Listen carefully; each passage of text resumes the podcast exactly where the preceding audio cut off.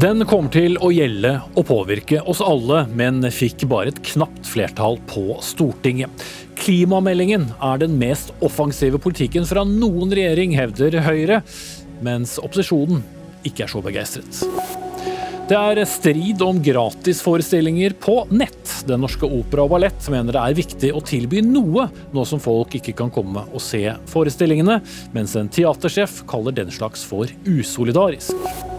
Et regjeringsoppnevnt utvalg vil fjerne taxfree-kvoten, og vil heller kutte i avgiftene på de typiske grensehandelsvarene. Og barna ja, de mestrer pandemien, og det finnes ingen grunn til å slå alarm, hevder barnelege. Vi skulle ønske at det var sant, svarer Barneombudet. Ja, Riktig god kveld og velkommen til torsdagens Dagsnytt 18. Jeg heter eh, Espen Aas, og i denne sendingen venter vi også på at eh, president Joe Biden skal holde sin aller første pressekonferanse etter 64 dager i jobben. Så er den vedtatt. Regjeringens klimaplan med et knapt flertall. Regjeringen fikk støtte som ventet kanskje, av Fremskrittspartiet. Planen, som når den settes ut i livet, vil påvirke livene til eh, oss alle, men har altså ikke støtte fra nesten halve Stortinget. Opposisjonen har kritisert eh, forliket, og ikke minst hvem regjeringen valgte å få flertall med. Og et eh, sentralt stridstema er hvordan økningen av CO2-avgiften skal skje frem til år 2030 om ni år. Men først, Stefan Heggelund, du er andre nestleder i energi- og miljøkomiteen på Stortinget, og saksordfører da for behandlingen av denne klimameldingen i, i Stortinget. 380 sider, 450 forslag. Men hvorfor klarte dere ikke å få til et bredt forlik?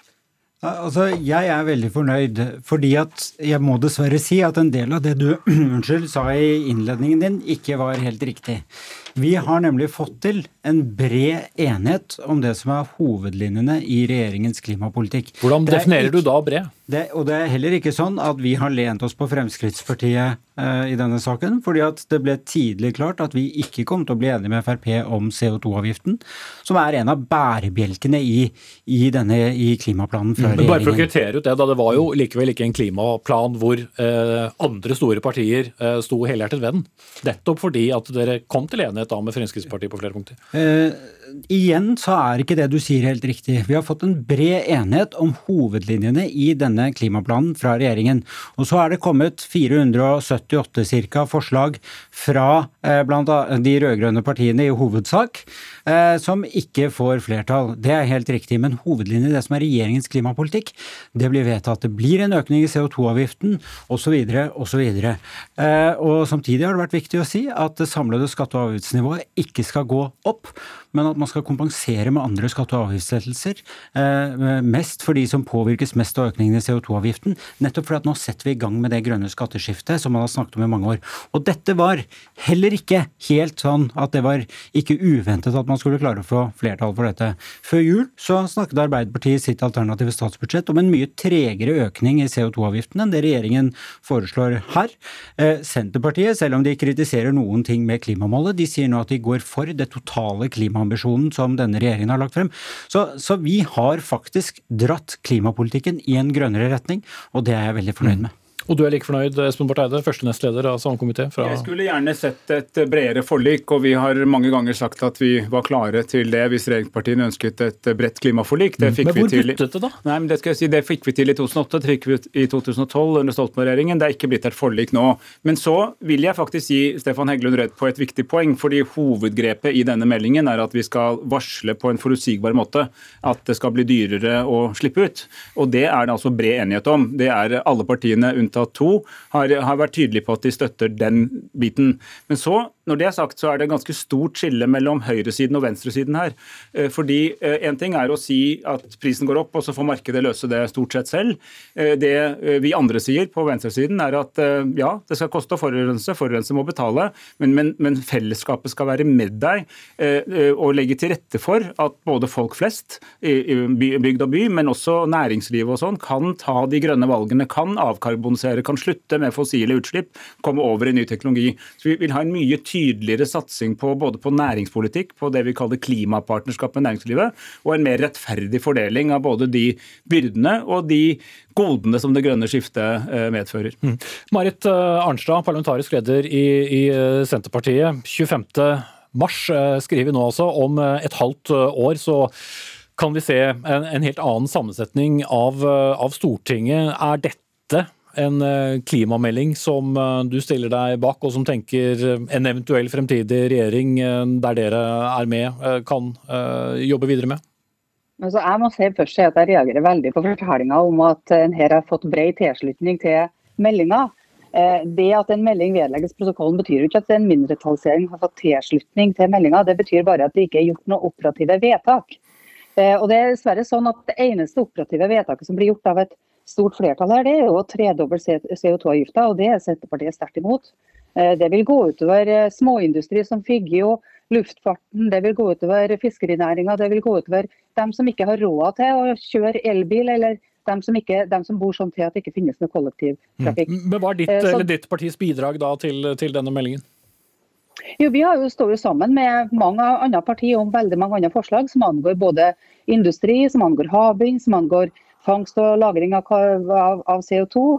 Eh, altså En hel rekke forslag. Vi la jo inn 66 forslag sjøl, og vi får jo veldig mange av dem har jo Arbeiderpartiet og SV slutta seg til, så det er jo veldig bra. Eh, så det ligger det et godt grunnlag. Men når det gjelder CO2-avgifta og en tredobling av den avgifta på ni år, eh, så er det et tema som selvsagt Senterpartiet kommer til å ta opp igjen. Mm. Fordi vi syns det er en alvorlig anstøt mot veldig mange i industrien, og også folk som ikke har alternative framkomstmiddel, eller som bor sånn, ikke har råd til å og kjøpe f.eks. en elbil. Ok. Lars Haltbrekken, du eh, er da medlem av energi- og miljøkomiteen fra SV. Trodde du på noe eh, tverrpolitisk eh, forlik selv for å nå målene i Parisavtalen? Vi håpa på det. Verden står på randen av en alvorlig klimakrise. Og da er det ganske utrolig at regjeringspartiene inngår samarbeid med Fremskrittspartiet og stemmer ned alle forslag som trengs for å kutte utslippene. Pga. regjeringas manglende vilje til å inngå et forlik, så får vi nå ikke den kraftfulle satsinga på havvind som vi kunne ha fått. Vi får ikke en kraftig satsing på energieffektivisering som vi kunne ha fått. Vi får heller ikke en kraftig satsing på utrulling av solceller på landets tak som vi kunne ha fått. Og vi får ikke en kraftfull satsing på karbonfangst og lagring. Vi okay. hadde håpa at dette kunne vedtas av et bredt flertall i Stortinget, men det har dessverre ikke vært noe vilje fra regjeringspartiene til å inngå eh, i forhandlinger. Mm. Vi kunne sikkert brukt de neste sju minuttene på å definere bredt forlik eller ikke, Stefan Heggelund, men vi, la oss ikke gjøre det. Men hvis vi skal prøve å være litt konkrete altså Dette er jo Eh, en, en, melding som skal påvirke livene våre. Det skal sørge for at Norge når eh, Paris-målene, som jo de aller fleste er enige om at eh, Norge skal gjøre. Men altså, hva er det først og fremst den gjør med de ni neste årene for oss borgere? Ja, mye mer gjør den enn det Arbeiderpartiets Espen Barth Eide ga inntrykk av. Altså For det første så er det slik at det blir dyrere å forurense, og det kommer til å bli dyrere å forurense hvert eneste år. Eh, det kommer til å stå for 40% av utslippskuttene frem til 2030. Så kommer vi til å ha sterkere regler for offentlige innkjøp, mer satsing på lav- og nullutslipp når det gjelder det, fordi at offentlig sektor er så stor innkjøper at det også vil da ha stor effekt og bidra til at vi når det 45 %-målet for ikke-kvotepliktig sektor. Så er det en rekke tiltak som vi gjør i samarbeid med jordbruket, skogbruket osv.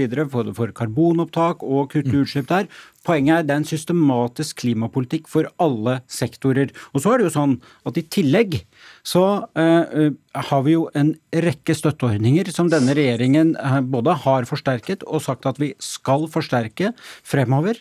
Uh, for næringsliv, for kommunen, for industri, slik at de har råd til å omstille seg, investere i ny klimavennlig teknologi og gjøre arbeidsplassene i Norge grønnere. Dette er veldig viktig, og det gjør at vi kommer til å nå klimamålene. Men jeg skal ta en Espen Barth Eide.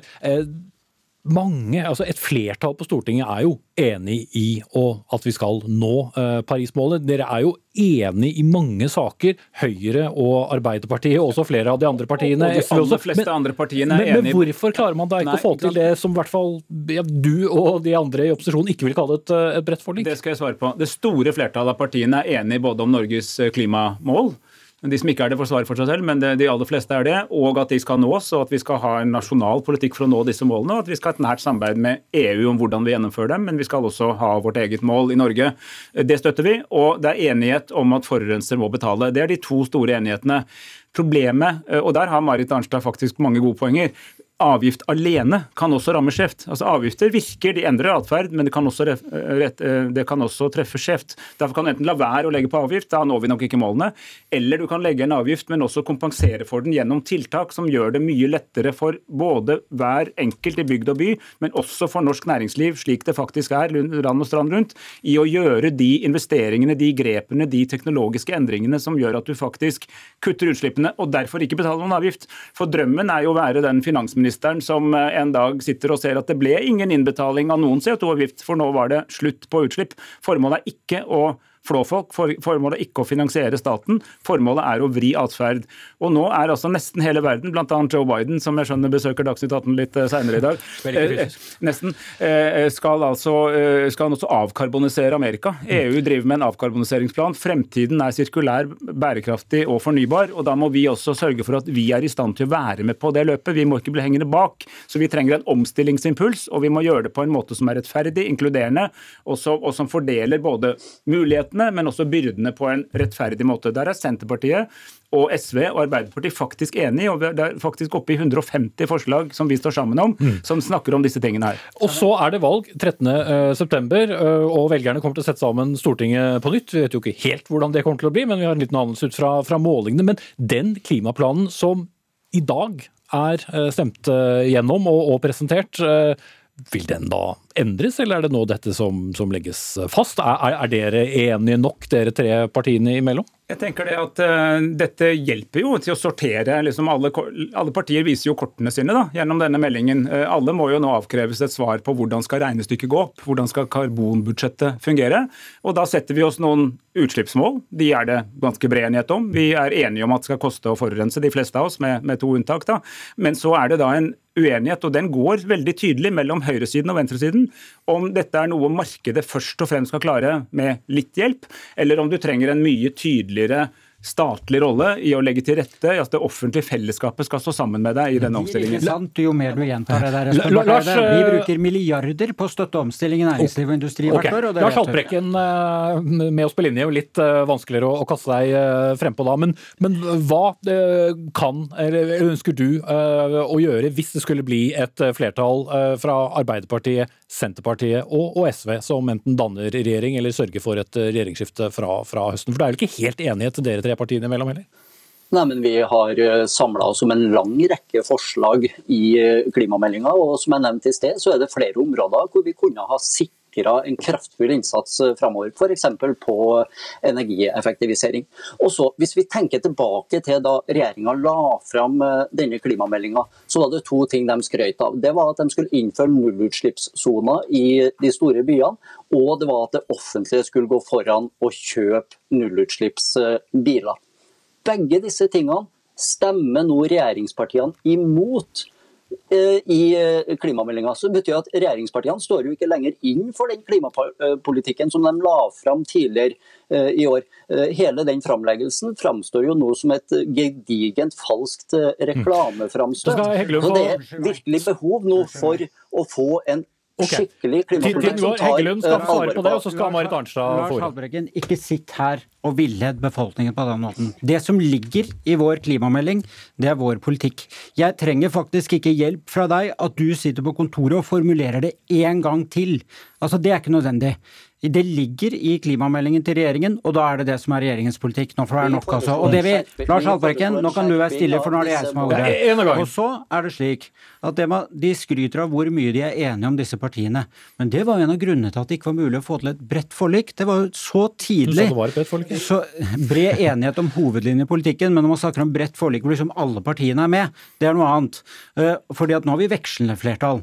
Men eh, det var jo fordi at uenigheten på rød-grønn side viste seg tidlig tidlig var så stor at det var ikke mulig å få til et bredt forlik sånn med alle partier. Og Derfor så måtte jo jeg som saksordfører eh, prøve å søke støtte i komiteen for altså ulike steder for ulike ting i mm. klimaplanen. Okay. Og Det gjorde at vi endte med at hovedlinjene i denne klimameldingen legger fast. Og så må jeg si kvaliteten ja, har ikke tid til mer nå. Nå må jeg ta inn Marit Arnstad. Tiden er, vi er egentlig på overtid, men Marit Arnstad skal få komme. Det, folk blir så sinte når dere snakker i munnen på hverandre. Og i hvert fall når dere snakker i munnen på programleder. Det er ikke lov engang. Marit Arnstad, eh, til, eh, til slutt her. Har egentlig velgerne nå fått en eh, slags løypemelding om hvordan Norge når klimamålene innen 2030, eller har de ikke det? Altså, altså Velgerne vet hva de ulike partiene mener, og jeg tror vi også kommer langt med å være enige om målet på 50-55% kutt. Eh, men det er klart at eh, når det gjelder en tredobling av CO2-avgift, så kommer Senterpartiet ikke til å være med på det. Verken nå når vi er i opposisjon eller dersom vi skal komme i posisjon.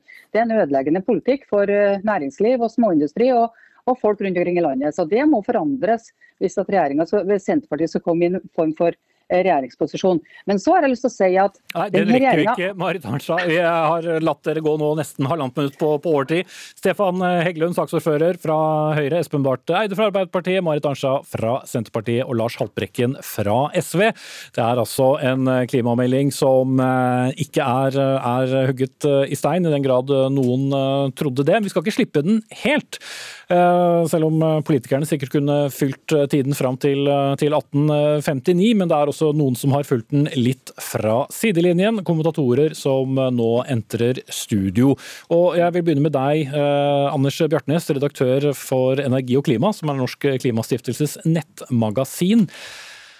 Hva slags politisk enighet er det egentlig om denne meldingen? Det er i hvert fall mye politisk uenighet. Ja, Det er helt sikkert, og det er kanskje den, den eh, liksom, liksom triste meldingen her i dag. Da, at vi hadde trengt nå, tror jeg, et veldig sånn tydelig og klart signal fra et så bredt flertall i Stortinget som mulig om både mål og, og hovedvirkemidler her. Nå har vi akkurat fått, hatt en av mange sånn Dagsnytt 18-krangler om, om, klimapolitikk, mens det vi har behov for, både som befolkning og ikke minst næringslivet, er veldig tydelige, klare styringssignaler. Fra, fra, politikken, og det, det syns ikke jeg at vi får. Politisk kommentator NRK Magnus Takvam. Eh det er en, en, plan for de neste ni årene da, med, med, mye uenighet. Men det er jo også uenighet innad i hver av, av disse blokkene. Espen Barth Eide snakket om venstresiden, også snakket om høyresiden. Men på hver side så er de jo langt fra enig, selv om de er opptatt av at de er enig i mye. Ja, det er klart Når det ikke blir et forlik, så er det fordi, bl.a. fordi at klimapolitikken nå begynner å uh, nærme seg det som er vanskelige beslutninger. Nå er det ikke lenger tilstrekkelig bare å ha liksom langsiktige reduksjonsmål for klimautslippene. Nå må man gjøre ting som uh, rører med folks hverdag. Og da er det klart at de skal vi si, tradisjonelle politiske konfliktlinjene kommer opp, eh, som vi, vi, hørte her.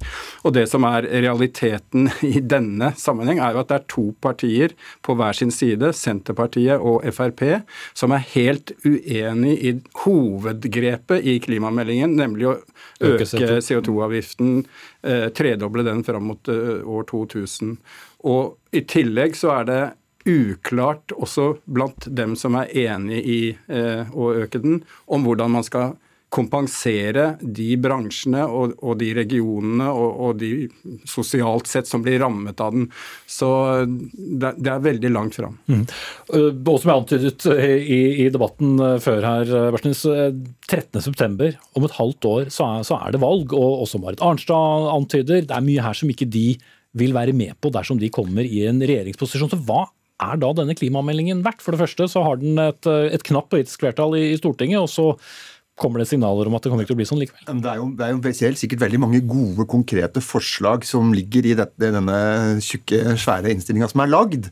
Men det hovedgrepet, altså det at det skal bli dyrere å slippe ut CO2, altså en høyere CO2-pris, og så da tiltak som kompenserer utsatte næringer, enten det er fiskebåter eller det er liksom noen som trenger å kjøre dieselbil på Tynset, så går det an å finne måter å gjøre det på som, som ikke fjerner av det overordna styringssignalet som ville ha vært der om, om, de nå hadde stått på Løvebakken i dag og, og sagt at ja, ok, her har vi en, en, noen um, hovedstolper i, i, i politikken som vi er enige om i, i, på, begge, på, begge, sider. Men jeg, Magnus har jo helt rett. at når, når, vi er ikke minst er noen, bare noen få måneder før, før, et valg, og du har liksom den konstellasjonen du har med Frp og Senterpartiet på hver sin side, så er det veldig veldig vanskelig å se. Ja, men Er det det samme som da at et politisk spill ødelegger for en bred enighet? For uh, som vi snakket om i sted, også, det er jo mange partier som er veldig enige med hverandre i mye. Problemet er bare at de er på hver sin side av streken. Altså, det er mange svar på det. Jeg mener også på den andre siden at det er nødvendig, vil jeg tro alle er enige om, at for at en skal vi si, klimapolitikk som virker, for at den skal ha legitimitet, så må også befolkningen slutte opp om den. Og det er klart at for å få til det, så føler jeg at da må begge sider av den politiske streken gi noe. Ellers så ender man bare i skal vi si, i de tradisjonelle konfliktene som, som vi så litt eksempler på her. Og det gjelder også for så vidt de såkalte grønne partiene. De grønneste partiene må jo også bidra inn i en sånn type forlikstenkning. Én ting er at de har en pådriverrolle, slik de selv ser på sin egen skal vi si, identitet aktivitet. Men skal det bli noe av eh, liksom kraftigere eh, lut her, så må alle parter gi. Og der er vi ikke ennå. Og det er kanskje ikke noe sånn, sånn genistrek å, å, prøve å lage et forlik om klimapolitikk eh, rett ved inngangen til en valgkamp. Mm. Og da blir det jo mye av det politiske spillet kanskje som ødelegger for dere, da, Bjartnes. Men hvis vi skal se på de, de reelle tingene, er det da særlig dette med CO2-avgiften som gjør det så vanskelig for i hvert fall noen av partiene å skulle se velgerne i, i øynene når vi skal drive, de skal drive valgkamp? Jeg tror nok også at det er en, et element i at uh, to av partiene her, da, altså Frp på den ene sida og Senterpartiet på den andre, ønsker å gjøre klimapolitikken til en, sånn, til en kamparena. Der de da kan drive valgkamp mot økte dieselpriser osv. Sjøl om det er mange måter å kompensere det på så, vi, så, er ikke det hensiktsmessig sånn sett fra deres ståsted nå. Mm, altså det er jo også litt sånn verdt å minne om, syns jeg, at Norge er jo på en måte, på en måte en, Vi har en særegen problemstilling når det gjelder klimapolitikk i Norge. La oss si I, i naboland Dan, som Danmark f.eks. så er det brei konsensus om kutt på 70% innen 2030. Og hvorfor det? Jo, fordi Danmark har en helt annen energisituasjon. De, de må importere, de, de, er avhengig av fornybar eh, strøm. Vi har eh, vann og vi har eh, energi fra petroleumssektoren. Sånn at smerten i Norge for en omstilling eh, som berører arbeidsplasser osv., er, er tross alt mye større og, og er mer krevende enn en i, i, land som, som, som f.eks. Danmark. Da. Og da, da må folk, eller politikerne erkjenne det på begge sider av streken og liksom finne grep som det går an å, å, å, å si til folk at det, dette er en omstilling vi trenger, og ha virkemidler. Bare Nettopp fordi at det er så vanskelig og så stor oppgave, så mener jeg at det er en veldig fordel at det er et tydelig og klart lederskap fra, fra altså et så bredt flertall som mulig i politikken bak hovedlinjene. Mm. Det blir i hvert fall som antydet med debatt om dette etter valget. Takk til, takk til Anders Bjartnes, redaktør for eh, nettmagasinet Energi og og klima, og Magnus Takvam, politisk kommentator her i NRK.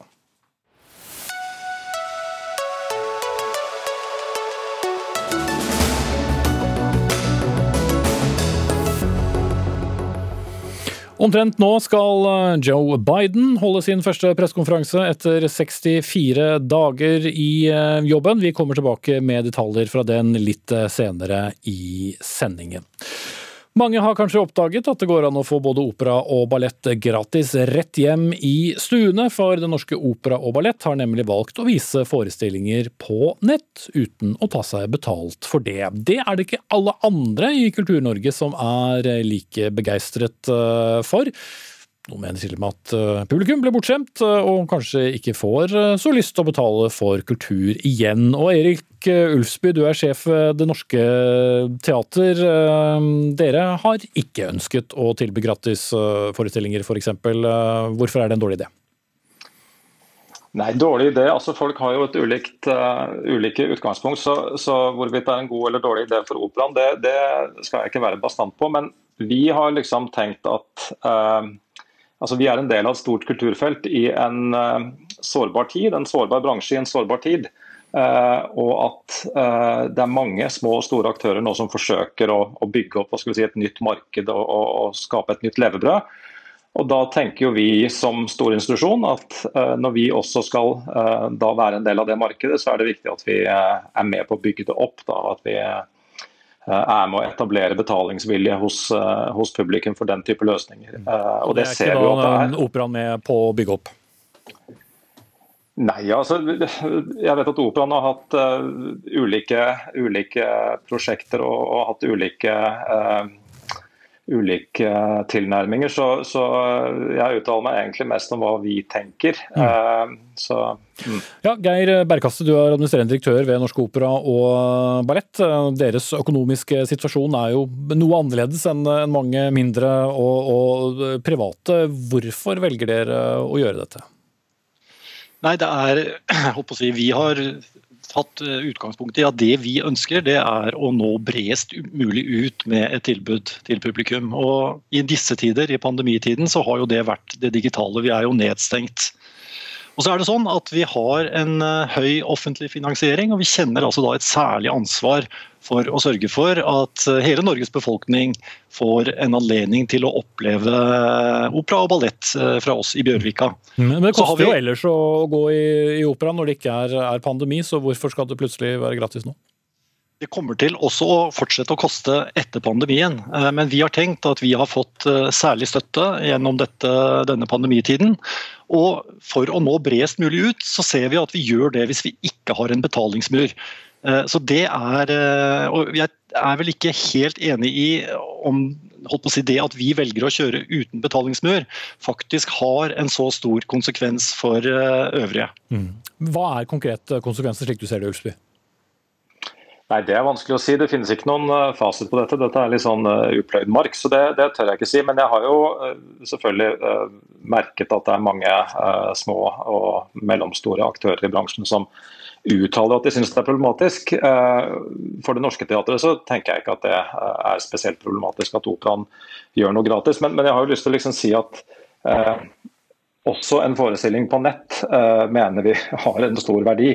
Uh, det er like mye arbeid bak, uh, fryktelig mye som er jobbet hardt fram. Så, så, jeg tenker at, at, det skal ha en pris, det, det syns jeg ikke er unaturlig. Så er jo den prisen også for vår del vesentlig lavere enn det som er kjernevirksomheten vår, og som er det produktet som, som vi lever og ånder mest for. Men, men det er, for, det er en liksom, prinsipiell forskjell mener jeg, på helt gratis og en, en en viss pris. Da. Så kan du si at Jeg er helt enig og heier jo veldig på uh, at uh, både operaen og, og uh, teatret og andre skal forsøke å nå bredest mulig ut. og mm. Vi som har mye støtte bør, bør, selvfølgelig tilstrebe det, men jeg mener at det er mulig også med en, en pris. Da, og Det har vi erfart. Ja, Vi så jo veldig raskt og veldig tidlig at mange kulturarrangementer var folk villige til å betale på, selv om de så det i, i ensom majestet hjemme i stuen, Bergkasse. Hadde, hadde det vært så galt om man hadde tatt seg litt betalt og sånn sett holdt betalingsviljen oppe? Vi har prøvd begge deler. vi. Vi har hatt både forestillinger hvor vi har tatt betalt, og vi har hatt forestillinger som vi har distribuert uten betaling. Eh, men vi merker oss at eh, det blir si, langt flere seere når vi gjør det uten en betalingsmur. Og så er det jo sånn, Nå sitter vi jo i et uh, Dagsnytt 18-studio, og NRK har jo tung offentlig finansiering. det er en, holdt på å si, Dere fyller et samfunnsoppdrag. Det er litt den samme måten vi tenker på. og Dette handler ikke bare, om pandemien for oss, det handler også om det som skal komme etter at, vi, at pandemien er håndtert. Og Hvis man ser, så kan man altså finne Eh, både nordiske operahus, hvor, hvor, det ligger gratis forestillinger tilgjengelig. Og vi tenker at Med den høye eh, finansieringen vi har, så ønsker vi å bruke det lille digitale tilbudet som vi skal ha, som en mulighet for hele Norge til å kunne ta en titt uten å måtte holdt på å si, tråkke gjennom en betalingsmur. Mm. Og Ulfsby, så fort eh, vi faktisk eh, kan eh, sitte nær hverandre igjen i, i, en sal, tror du ikke det er først og fremst det folk vil, vil velge seg tilbake til? Og, og, de vanlige billettene, enten de er på Norske Teater eller uh, i Operaen? Jo, det er jeg helt sikker på. Og det er ingen som helst tvil om at det er det vi lever og ånder for. Så jeg er helt enig med Geir at dette er et Eh, supplement, og i den grad det på en måte vil eksistere etter pandemien, så vil det være det og bare det. Det er ingen tvil om at uh, den fysiske teateropplevelsen og opera- og ballettopplevelsen er det vi lever for. Og Jeg er også sikker på at uh, folk sitter med en eller annen form for sånn, hva skal vi si, sånn skjermfatigue, uh, og at behovet for å komme sammen vil være stort, og kanskje enda større når dette er over. Mm. Tenk å savne at folk hoster i salen. Takk skal dere ha, Erik Ulsby, sjef ved Det Norske Teater, og Geir Berkast, administrerende direktør ved Den Norske Opera og Ballett.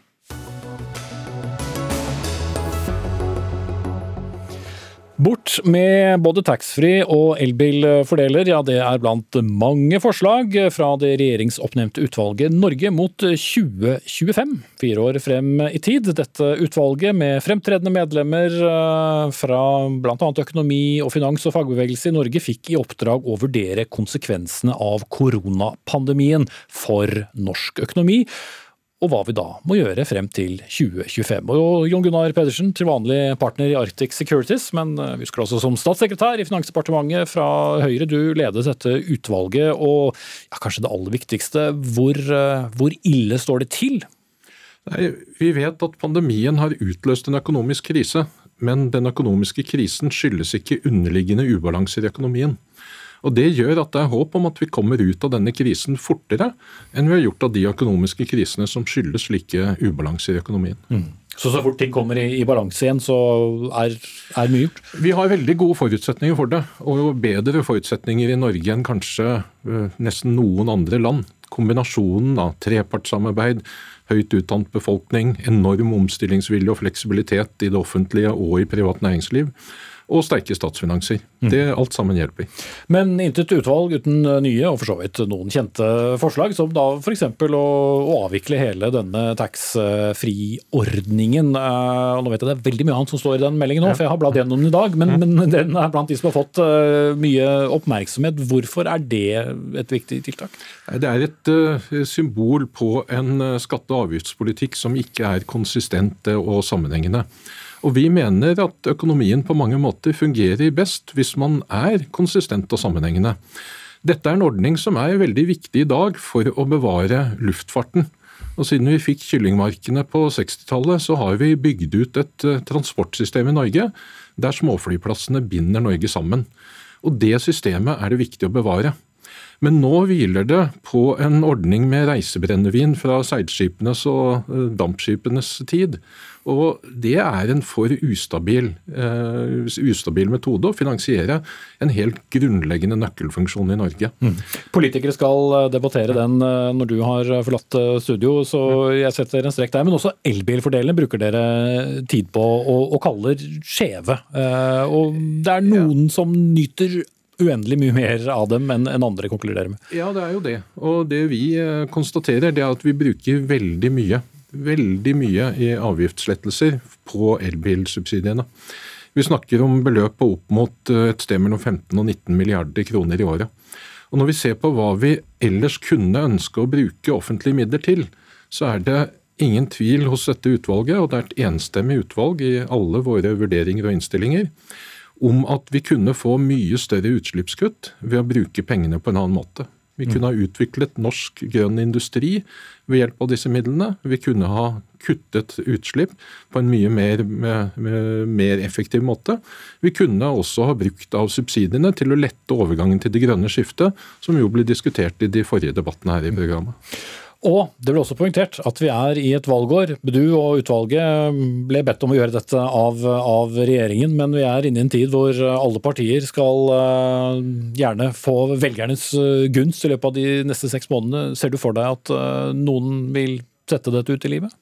Ja, Veldig mange av de tingene vi kommer med, tror vi folk kommer til å sette ut i livet. Vi har som sagt en enstemmig innstilling, og den synliggjør at det er grunnlag for brede forlik og bred enighet om mange av de tiltakene vi trenger for å gå de neste årene og komme ut av pandemien på en ryddig måte. Men at det er noen av tingene vi kommer med som mer er økonomforslag, som det er vanskelig å unngå når du samler en forsamling av økonomer.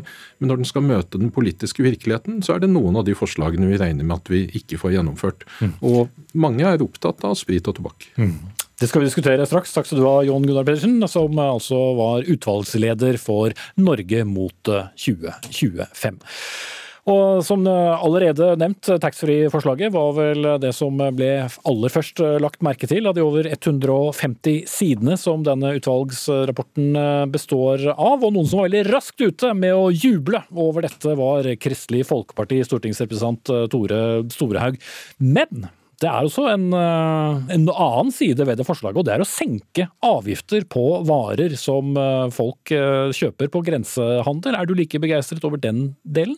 Jeg har lest utvalget sin rapport, og der sier de at de anbefaler det ene, og det andre sier at det noen kan gjøre.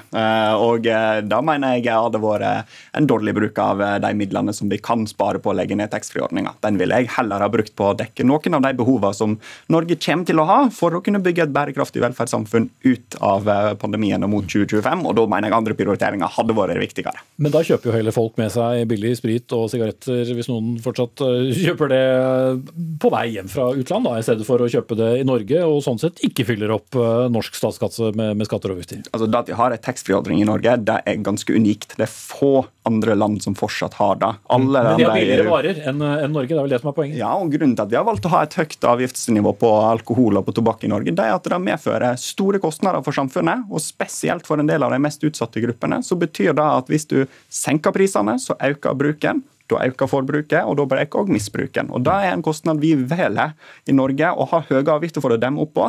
Da gir det ikke mening at vi bare skal, fordi folk krysser landegrensene eller er ute og flyr, at de skal bli fritatt for samme, de okay. samme avgiftene. Taxfree-kvoten har eh, nok flere liv enn en hel kattefamilie, så mange ganger som det er foreslått å, å legge den ned. Men Bård Hoksrud, stortingsrepresentant for, for Fremskrittspartiet, partiet som uh, sier det er lov til å kose seg litt.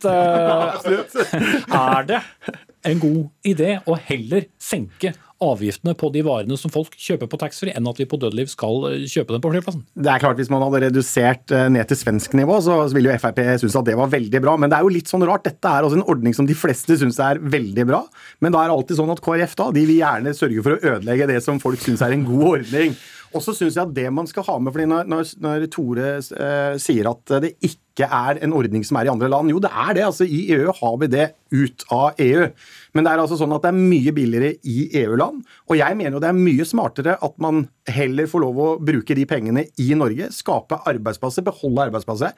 Bruke de pengene til å sikre at vi har et regionalt og, eh, og kortbanenett i Norge. For de finansierer store deler av det. Og det er jo sånn at, Men en helt merkelig modell, sier Jon Gunnar Pedersen, som var da statssekretær under din partileder Siv Jensen da hun eh, styrte Finansdepartementet. Ja, men, det, men det er en modell som har vært der i mange år. Det var faktisk KrF som innførte den modellen, hvor man faktisk kunne handle i Norge istedenfor å handle i utlandet. Det var jo Tanken med det var jo selvfølgelig at det er 1200 mennesker som er ansatt og jobber med dette, og har arbeidet sitt der. og Jeg syns det er dumt å sende de på Nav-kø når vi vet at vi har store utfordringer framover. Mm. Så er det mye bedre å Hvordan skal vi da dette. finansiere kortbanenettet, som eh, vel de aller fleste er opptatt av at vi skal eh, beholde? Dette er en av de interessante tingene som utvalget bruker som argumentasjon for hvorfor det er rett å fjerne taxfree-ordninga nettopp nå, når de peker på at akkurat den situasjonen vi står i nå, så får Avinor store subsidier over statsbudsjettet. og Det gjør til at en kan få vekk en ulogisk modell tette et hull i det norske skatte- og avgiftssystemet og lage et skatte- og avgiftssystem som sørger for at vi tar omsyn til de utsatte gruppene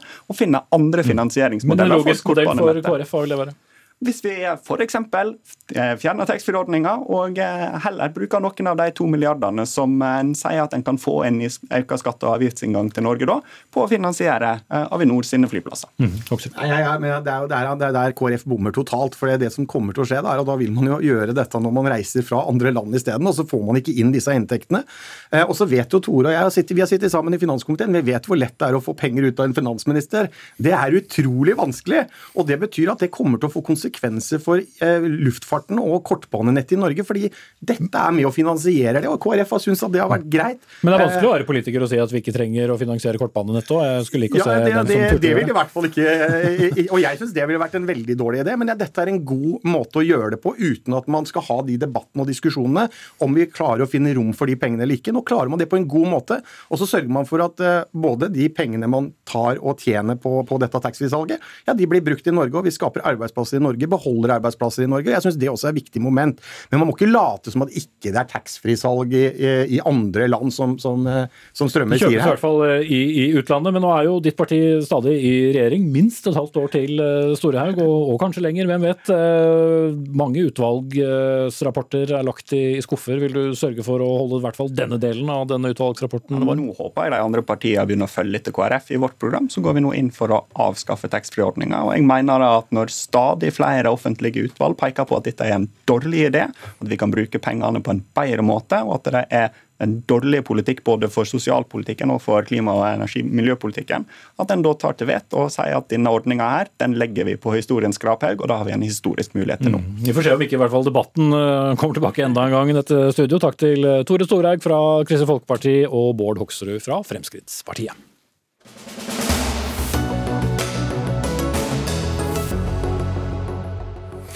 Så til et eh, tema som vi har snakket mye om i Dagsnytt 18 gjennom det siste drøye året. For eh, Bufdir, barnevernet, barnepsykologer og flere andre har varslet mange ganger om hvordan pandemien og alle restriksjonene vi lever eh, under, går utover barna.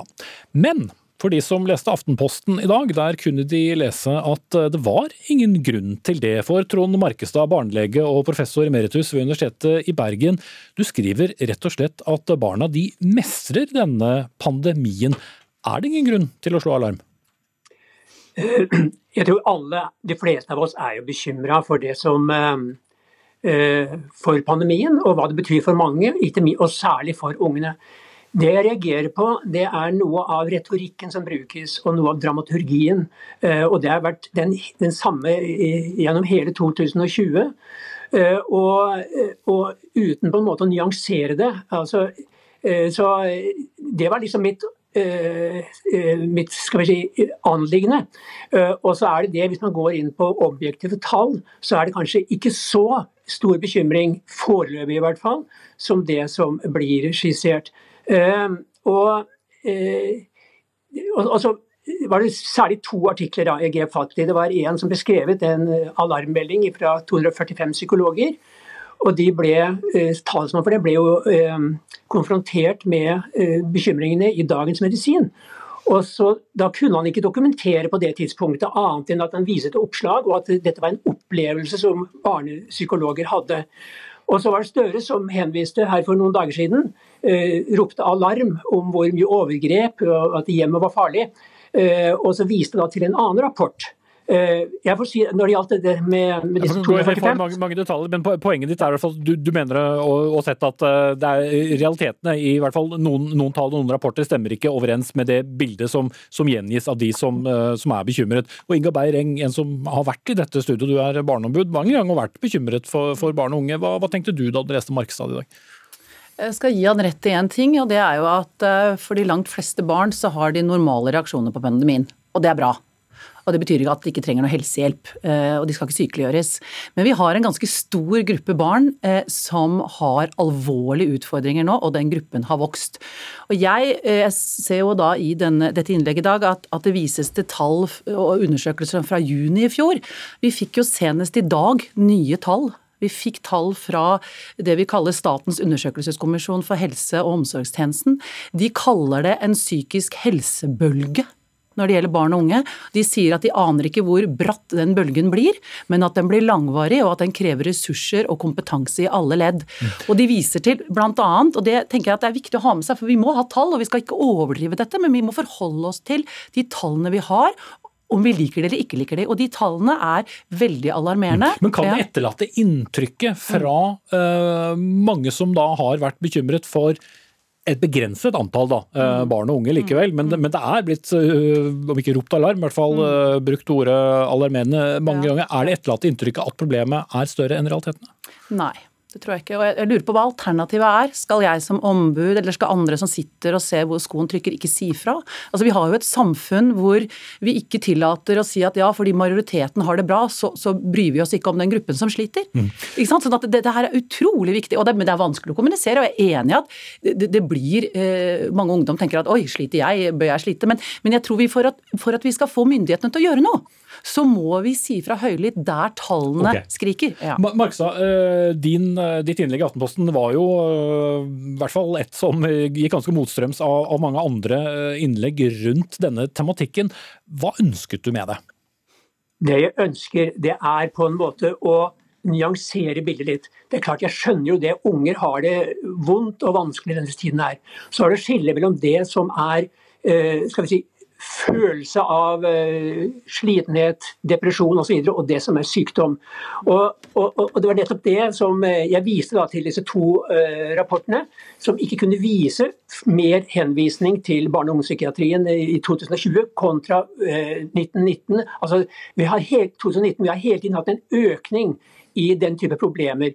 Og De kunne ikke vise noen endring i det. Og Så var det da en studie da, som Støre refererer til. og Den viser at det var ikke mer blant 3750 barn så var det ikke mer problemer etter nedstengning i fjor enn det var i, 2019. Mm. Men, samtidig så melder da Alarmtelefonen for barn og unge at de utvidet uh, tilbudet med døgnåpen telefon og chat under koronakrisen og meldte om en økning på over, over 100% så det handler vel kanskje litt om også hvilke tall man ser på?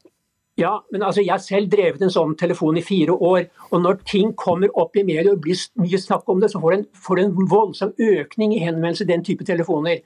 Og så er spørsmålet hva er da vanlig altså eh, reaksjoner, at de har tungt og at det er vanskelig, og hva er sykelighet. Og Det er det som man ikke klarer å skille på, tror jeg. Og, uh, så igjen, det er det med nyansene, og jeg er redd for det. at den, og, og det var samme tematikken også fra Barneombudet i hele fjor, ikke, sant? ikke bare nå med de siste rapportene.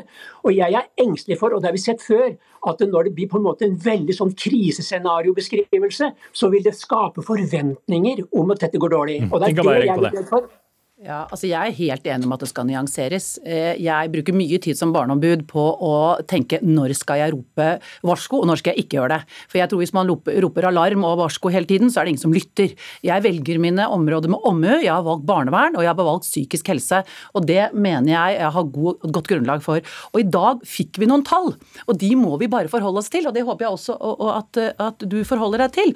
Hvor de sier, og her har altså denne statens egen undersøkelseskommisjon innhentet innhentet tall fra Helsedirektoratet, fra alle fire, fire regionale helseforetakene, nå når det har gått et år.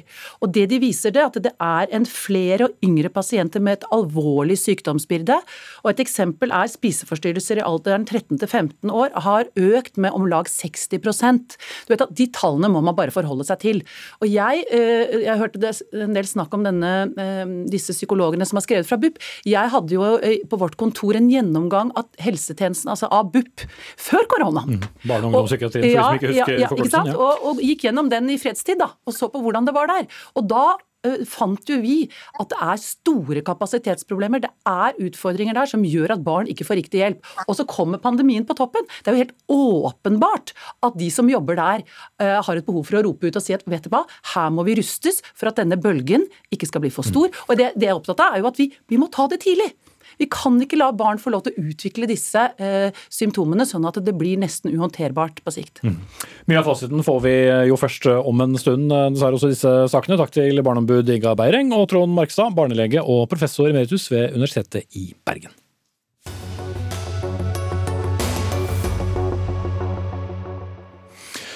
USAs president Joe Biden ja, han lover å vaksinere 200 millioner innen 30. april, altså i løpet av en drøy måned. Det sa han nå under sin første pressekonferanse, som startet for kort tid siden. En pressekonferanse som kommer 64 dager etter at han tok embetet, noe som eh, er ganske lenge. Vi skal se et lite klipp fra pressekonferansen, eller høre da, hvis du hører på radio. When I took office, I uh, decided that uh, it was a fairly basic, simple proposition, and that is I got elected to solve problems. And the most urgent problem facing the American people, I stated from the outset, was COVID 19 and the economic dislocation for millions and millions of Americans. And so that's why I put all my focus in the beginning. There are a lot of problems, but all my focus on dealing with those particular problems. Ja, jeg ble valgt for å løse problemer, sier Joe Biden, og viser til særlig da covid-19 og de økonomiske følgene av dem. Og vår USA-korrespondent Anders eh, Magnus, hans aller første pressekonferanse altså. Hva er spesielt med, med dette første møtet da med amerikansk presse? Nå får jo journalistene lov til å stille vanskelige spørsmål og får tid til å gjøre det. Det har de ikke fått eh, hittil. Eh, og jeg må korrigere litt. Eh, han har lovet å sette 200 millioner doser vaksiner i løpet av de første 100 dagene. og Det er ikke noe eh, veldig vanskelig løfte, for det er man på god vei til uansett. Det som nok var vanskeligere for han i starten av denne pressekonferansen, som fortsatt pågår, det var spørsmålet om innvandring. Og Der sa han allerede i starten noe feil. Han sa det at det er ingenting som er endret i forhold til forrige presidentperiode. og Det er helt vanlig at det kommer så mange mennesker på den tiden av året fordi det er eh, kaldt i været, eller relativt kaldt, så folk dør ikke av heteslag eh, når de passerer grensen. Men det, eh, det er faktisk noe han har endret, nemlig at enslige mindreårige får lov til å komme og være i USA, og de blir også sluppet videre. Og det er jo de, Disse folkene, de fleste av dem, er eh, unge gutter på mellom 16 og 17 år. Det er disse gruppene som har kommet i tusentall de siste, den siste måneden. Og det er dette som nå er problemet. Vi har jo sett bilder av overfylte leirer. De ligner på de bildene man så under Trumps periode. og han Eh, Biden får sterk kritikk av også sine egne partifeller som eh, kommer fra grensestatene, fordi at eh, situasjonen er nå ute av kontroll og det er en krise langs grensen. Dette spørsmålet klarte han ikke å svare veldig bra på. Så kom noen spørsmål om eh, han skulle fjerne den såkalte filibusteren, som er en regel i Kongressen eller i Senatet om at man må ha 60 stemmer for å få til lovvedtak der. Da begynte han å surre og reddet seg inn til slutt med å si at jeg er ikke en veldig stor ekspert på disse reglene, og det er jo veldig rart, for han er jo kanskje den presidenten som har hatt lengst fartstid i Senatet, og det er jo mange som er veldig nervøse i dag for at Joe Biden skal rett og slett snuble både i det han sier og komme til å si eh, ting som ikke er riktig, ja, apropos, noe han for så vidt allerede har gjort. Ja, Apropos det, Anders Magnus, det er ikke så mange dagene siden vi så han slett litt opp flytrappen til eh, Air Force One. så Hvordan eh, fremsto han eh, helsemessig, og hvor årvåken var han på de spørsmålene du, du rakk få med deg før du skulle være med oss? Han eh, framsto veldig greit når han eh, leste fra sine, det som var forberedt for ham på forhånd. Og så var han relativt grei når det gjaldt eh, spørsmålet om innvandring, bortsett fra at det han sa ikke var riktig. Men når, det da kom til neste spørsmål igjen, så rotet han og snublet flere ganger. og Jeg vet ikke hvordan det kommer til å, gå videre, men han har også sett litt sliten ut og ikke fulgt helt med på en del en del tilfeller den siste tiden. Så det er nok mange som er bekymret. Han er jo eh, en gammel mann. og han har jo kalt sin regjering for eh, Biden-Harris-regjeringen. Og det er jo mange spekulasjoner nå på at eh, Harris, altså visepresident Camela Harris, kommer til å få en sterkere rolle ganske raskt. og hun har jo allerede fått ansvaret for innvandringspolitikken. Mm.